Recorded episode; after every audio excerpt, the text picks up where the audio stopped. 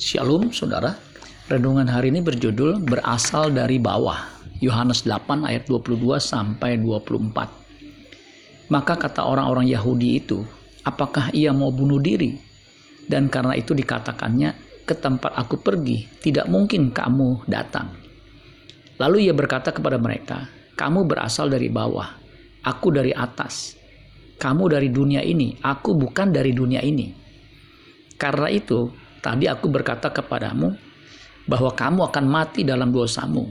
Sebab jikalau kamu tidak percaya bahwa akulah dia, kamu akan mati dalam dosamu.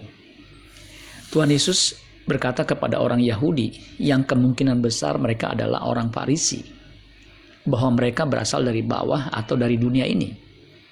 Orang Yahudi dan orang Farisi yang tidak mengenal Kristus, mereka ini hendak menangkap dia. Mereka juga menuduh Yesus mau bunuh diri.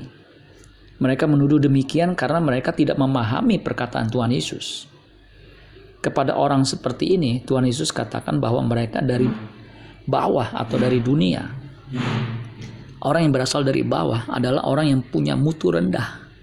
Mereka yang tidak percaya kepadanya, kualitas hidupnya rendah. Mereka yang kualitas hidupnya rendah akan mati dalam dosa mereka.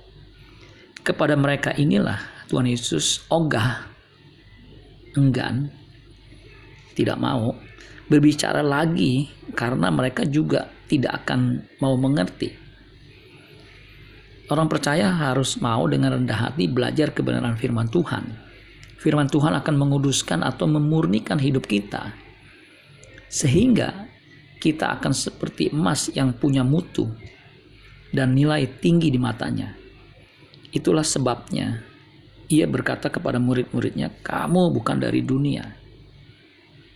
Yohanes 15 ayat 19, "Sekiranya kamu dari dunia, tentulah dunia mengasihi kamu sebagai miliknya."